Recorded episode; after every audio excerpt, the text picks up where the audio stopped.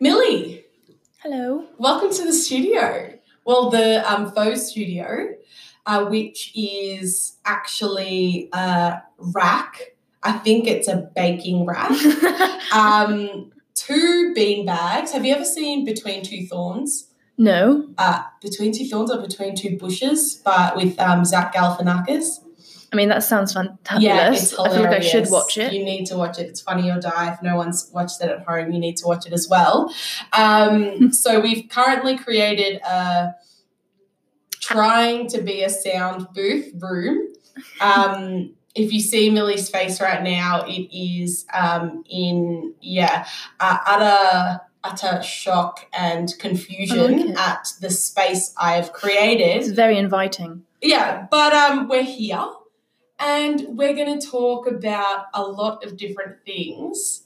Uh, first of all, let's introduce our guest, who is Millie, but who is Millie? Let's start with your name, age, and what you do for a living. so, my name is Camilla Pang, but everyone knows me as Millie. Um, I'm 27 and I am a scientist, um, but also I'm a writer as well. So, Soon to be published writer. yeah, yeah, exactly. So, in March 2020, my book's coming out, which I'm excited about. So exciting. Yeah. Now, me and Millie met on uh, Nomad Academy, which is the program that I'm on that you guys already know about. But um, Millie has been an absolute superstar throughout this whole experience. And I don't know if you know this, but you've taught me a lot throughout Oh, this um, experience, which is which is phenomenal, and that's why I wanted you on here so that you can share some of your knowledge uh, with everyone else because you write a lot about your knowledge, but I don't know that you verbalize it to as many people as you should. No, I don't, and this is why I'm very thankful for this opportunity because I feel like um, most of the time I am writing, I am on my like own with it and reading, and my head's in books, and that's nice place to be. But I think it is nice to be able to um, t- talk about it. I'm not used to talking about it, but I hope that'll change. Sure. Sorry, one second. I just wanna look at this.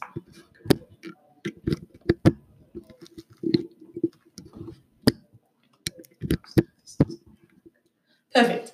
Here we go. Um, amazing. So let's get a little bit of your history to begin with. Um, let's start with with um, the fact that when we first when I first asked you to introduce yourself, um, you said you were a writer, but I kind of had to mention like, hey, she's got a book. And the the thing that we've kind of chatted a lot about throughout this trip is um, although you have done all of these incredible things and you're such a smart person, you find it quite difficult to self promote. Yes. Yeah, and and talk about all of the shit that you write down. Like you are constantly reading, writing, learning, and I guess unraveling concepts. Yeah, yeah, exactly which is doing, I think what what you spend the majority of your time doing. And I wonder why um, you don't you don't engage as much or you don't um, elaborate on these ideas. I think there's many reasons, but from the top of my head, it's mainly due to I don't don't really know how, um, and it's quite daunting, and you need to be to be able to kind of promote yourself. You kind of need to know what you're about. Most of the time, I don't. I just do what I like doing, and that's that really. And I've no, I've this whole I don't know whether it's an ego thing or, or lack of because I just do my own thing. But when it comes to, um, I've always had a really supportive family. Um, especially my sister who is actually in or was definitely in um, advertising and marketing and so she kind of spoke for me and i like that and i'm used to that and i've co-evolved with that and i think now on my own um, especially being on this trip it's made me realize that you have to do that for yourself and reach out and um, i'm learning to but um, yeah, no, Demi, you've been really helpful. Like sometimes I'm like, what do I post today? Um, and if I want to self promote, I'm like, do I need to be perfectionist about it, or can I just do it ad hoc? And um, and also I forget. Mm-hmm. Being very much honest, I'm like no, that's good. Um, because you've been you've just recently graduated, so yeah. you've been in academia for I mean till pretty much now, right? yeah. So you've always been told what to do. Yeah. Yeah. Um, so this trip has been huge for you, hey? Yes, and it's a really good point that you mentioned about academia. So I've graduated from my PhD about a year ago, and in academia, you talk about your work with your lab mates, but apart from that, you don't really talk about it. I mean, you can talk about it to your family, but I mean, if unless they are scientists in that field, then they're probably going to be a bit lost because that's just how, how it is. It's quite niche. But even with scientists that within your field that are not in your lab, you have to be careful about what you talk about because if you invest a lot of time, a lot of money, a lot of you know, emotion in your project, um, in like a conference and then someone decides to steal it and then publish it before you, then all of that work, um, I wouldn't say goes to waste, but it does a little bit because you have to kind of work even harder to try and get something published and there's a protectionist instinct that you have that I've developed being in academia to protect my work but with that it's kind of disabled in my marketing voice mm. because I'm afraid what what to say most of the time but mm. I'm hope that in the years to come I'll grow that instinct again Mm. And then while you were studying, were you living at home still? were you living out of home on campus or something? Oh, a bit of both, really. Well, to be honest, in my bachelor's, I did a bachelor's at University of Bristol, and I was on in like halls and like in student housing. That was fine because mm-hmm. um, I'd already been to boarding school at that point, and I used to not living at home. And then in London, I lived in like halls. But then the final year of writing up my thesis, I decided to move home mm. because I think it's just probably best. Uh, my mum was actually the one that um, had the idea, but like just move home. I can help feed you. Mm-hmm. I can just, you know, bring you tea when you just zone out. And it was very, I'm very lucky that I have that. Mm. So I've lived at home very recently, actually. Nice. And so I guess being here now in this environment where you have to be so self sufficient, right? How has that kind of transition been? Because although you are 27, and a lot of people, in particular in Australia, might experience this at 23, 24, 25, depending mm. on the field they're in, uh, how has the transition into adulthood or trying to figure out what to do with this degree now been? That's really um, interesting because I feel like I'm always a bit behind because I'm, you know, I've start I started, uh, you know, non-student adulthood quite late, but with that I've gained skills of self-sufficiency to the point where I'm happy with my own company. I don't really depend on people to um, I don't know, to, do anything. I just feel like I'm very self reliant mm. and dependent, which is good. Um, but there are some stuff like um, I don't know, like I have only been in the workplace a year and I'm still getting used to the transition between being a student and being a professional. Mm. And I'm, you know, I've got a very supportive network at work, and everyone there is just really lovely, accommodating. Um, but I know that if they weren't, I'd find it very, very, very hard. but the transition is all right. I mean, everyone goes at different paces, and you you know, it's just not something that um, I'm used to yet. But mm. you know, have you found it difficult being essentially? I don't want to say behind because I think that everyone is, yeah. but in general, like as a society, right? Um, studying so long, especially like science and stuff. Like my cousin was in it, he didn't graduate till he was like 30, you know, when he oh, finished yeah. and all that kind of stuff. So, has that been kind of difficult for you? Have you had this comparison thing or because you've become you are this self-sufficient kind of person it's not an issue well I'm, I'm a little bit of a different case when it comes to comparing myself to people because I don't really do that. Mm. Because um, I also um, have Asperger's syndrome. And what that means is that, well, it means many different things for many different people, but how it manifests in myself is that I um, don't, I don't really compare myself to people to have that social instinct that binds people together, which is why I'm self reliant, but it also means that um, I've I know that I go at my own pace. I know that in some cases I'm faster than others and some I'm slow. It's just, it all depends to what you're measuring. And I feel like this competition culture, this perfectionist culture based on this hypothetical ideal is something that is a bit, it's, you get bored of it after you try and do all of it after a while. I tried doing it and I got bored because I'm like, well, I'm not myself and it's not embracing who you are. For sure. There's so many things that I want to draw from that. But let's start off with um, being someone on the spectrum and how you would define that. And I mean, ha- how did you find out that you were different? Did you know you were different from quite young? Or, I mean, everyone's different, but with a, yeah. So I, um, I think the first line of my book is me describing how I felt like I landed on the wrong planet at age four. I was like, something's not quite right. And I thought, nah, it's just me. I probably ate something, right? As you do when you avoid Yeah, to eat yeah, any yeah. any random stuff. And so I was like, and then as years passed, I was like, no, a feeling of, I don't know, I wouldn't say inadequacy, but you're just not quite in sync with things.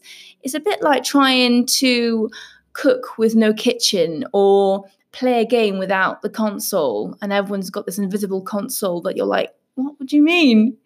And there's this language, both, I guess, phonetic languages of speaking, but also implicit body language. And I've learned that as I've gotten older, but there is something very subtle and unique about the humans that makes them so wonderful.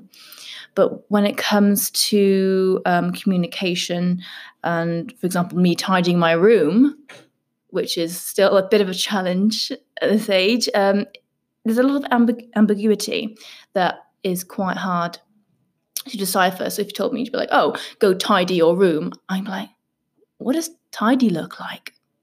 What what is that? Like to me, is one thing, but there's lots of like vague ambiguity that I find quite hard to navigate. But um, yeah, I, I could talk about it for ages. if you're interested, it's yeah. No, for sure. Because I, I think again we've only we've spent the past two and a half months together, and I think it's really interesting that whenever we were set a task or something, you always had a follow up question, Mm, and. I- Yeah, sorry about you, No, no, no. You put a face to that, but I think it's awesome because I'm that person that will stop someone and be like, "What does that word mean?" mm, right? And I think a lot of people have the questions that you have, despite your brain working in a different way. I think a lot of people have a lot of the questions that you have, but they have this embarrassment to ask it. Ah, And I think coming from your, how you described before, your non comparison to other people, other people have these social constructs Yeah. that we have in our minds that Yeah. you don't have have yeah, exactly. that stop us from doing these things. So Mhm. being in a group with you, I think for a lot of people, they would have found that pausing refreshing Oh, good. to an extent. You know what I mean? So it would Yeah. have been, you know, some people may have been like, okay, let's get this started or whatever. Mm. And other people would have been like, oh my God, I would have never have asked that, but I'm so glad you did Oh, because good. now I know No, Y, Z. yeah.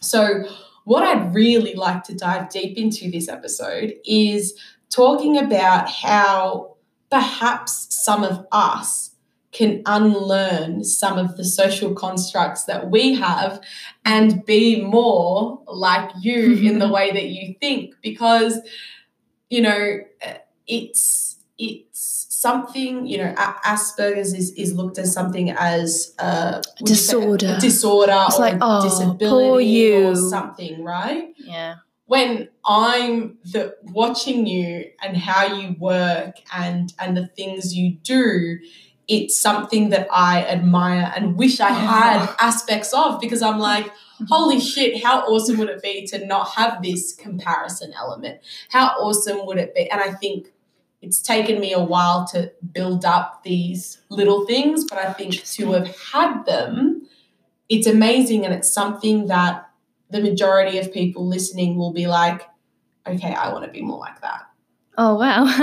yeah.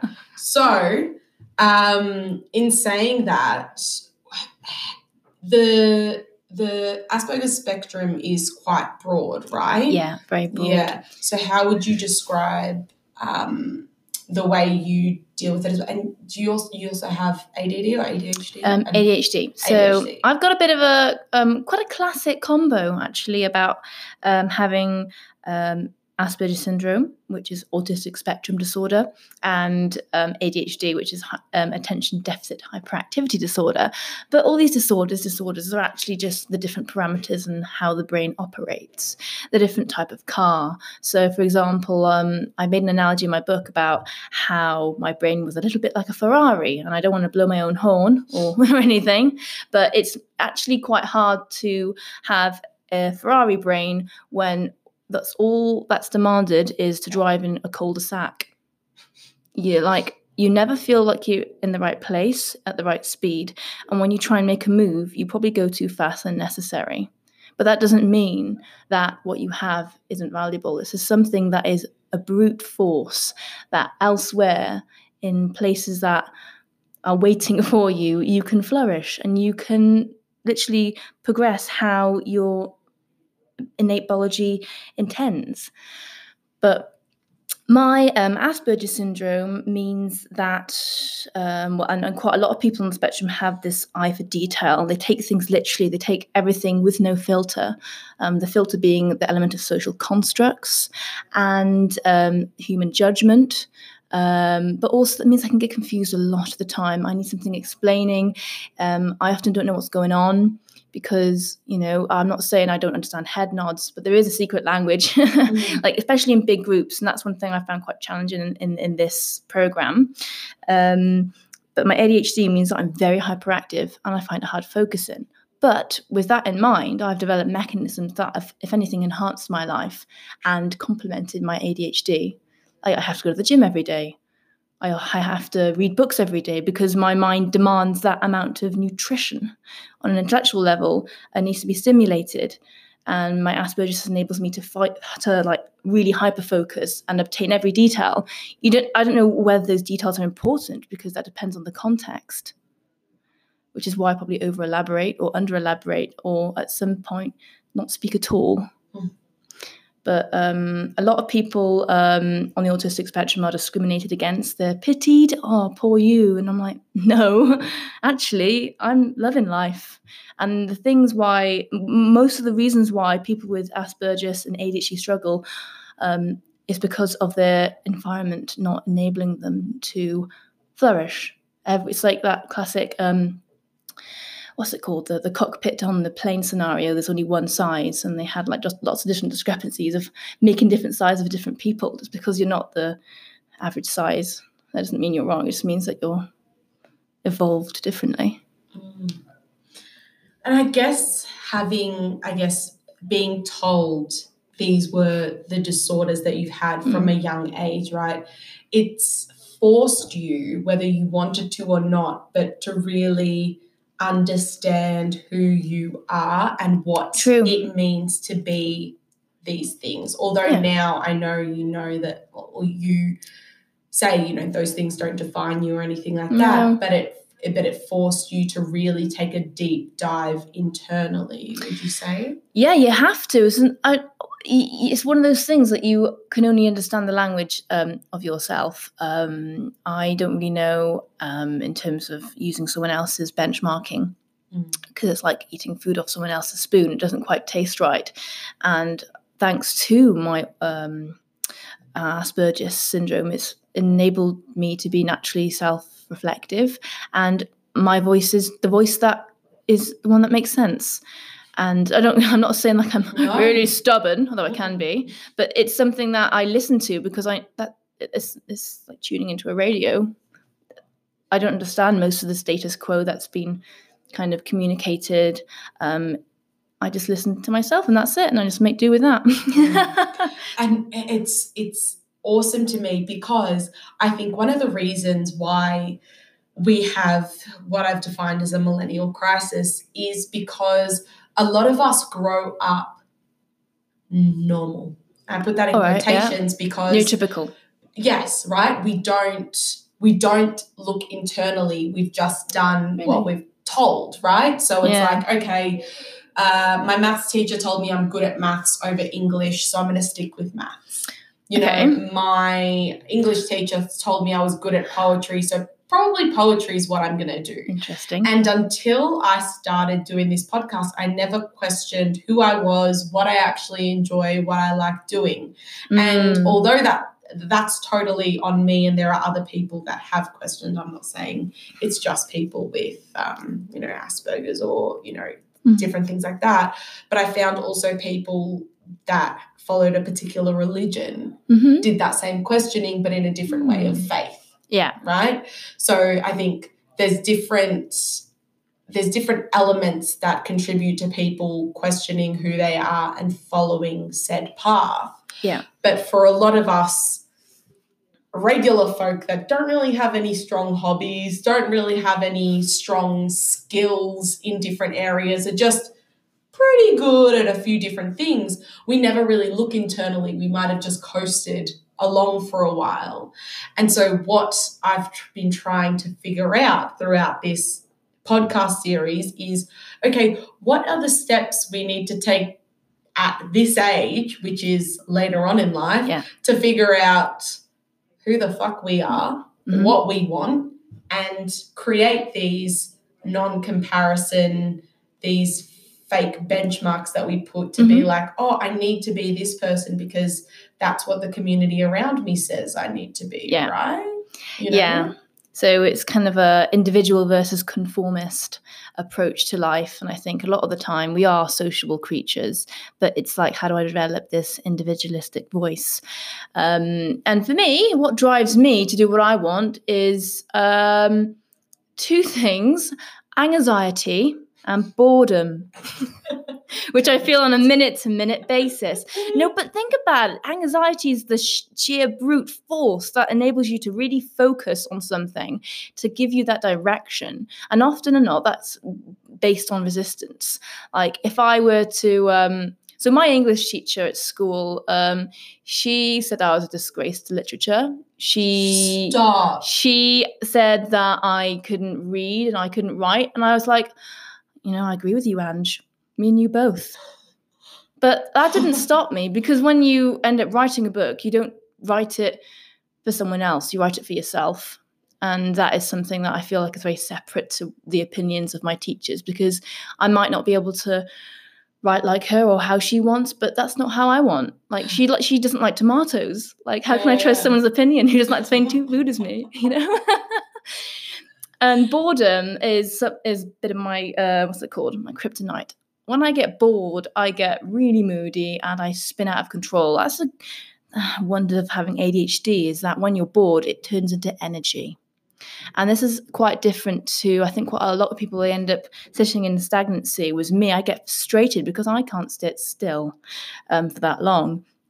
And so, um, what I end up doing is going to the gym or doing this or moving. And through movement, you can get inspiration of thought and you can really pin down unapologetically what you actually want. And that can take ages because you have to decipher what is um, so called energetically favorable for me right now and how can I channel this to my needs and wants in the future. And you can only do that by really giving in and feeling the boredom. You're like, what the hell do I want? Why am I bored? Why am I frustrated? And this is why frustration slash anxiety comes in really useful because it pokes where it hurts. And that's more often than not your window for direction. Wow. I feel like just then I got a little insight into your notebook. Yeah. and the lines and the connections that you draw because I constantly watch you now. During this program, we've been forced to, whether we have liked it or not, sit down and listen no um, to different people, to speakers, to um, being kind of thrown into situations where we might not have particularly liked. No. Um, and I assume they would have been a lot more difficult for you as well, considering what you just explained there. Yeah. And I watch you a lot of the time start making these notes or writing these things or. That's our timeline, okay. Okay. Um, I watch you a lot of the time creating these diagrams and note taking and all of these things. And I wonder that's you that's you just relaying your thoughts. Like how do you go back and read those notes and what what is that? Depends really. So sometimes I write my thoughts, I have an idea, or I have something I just want to express, or what I think of a particular situation. Um, but most of the time, um, my head is pretty much elsewhere, unless I'm very much engaged, like now. Yay. um, but if but those diagrams are making sense of everyday concepts of human psychology, communication, abstract situations, um, and pin them down to language I understand, which is most often not science. And my way of interpreting them so that when I come back to them, I'm like, okay, this situation is like this algorithm, this situation is like this molecule. And you're making analogies that you understand on a level of abstraction that makes sense to you. Whereas if you're like, oh, this is a complex situation, even though it's simple to everyone else, why is no one else reacting like me? This doesn't feel right. But I allow myself to not feel right. Mm. I think that's one of the sins is whenever you feel like something's not right, feel it. Mm, That's that's great. That's gold. mm, Because then that's something that is different. mm. But those notebooks are, I've got about 20 of them with me, and I just love writing. And most of the time, I'm reading as well and linking information that doesn't make sense. I'm kind of putting my hands in quotation marks here, yeah. um, and making sense of them. And I really enjoy that. And yeah, observations, like a scientist, I guess. so good. Sorry.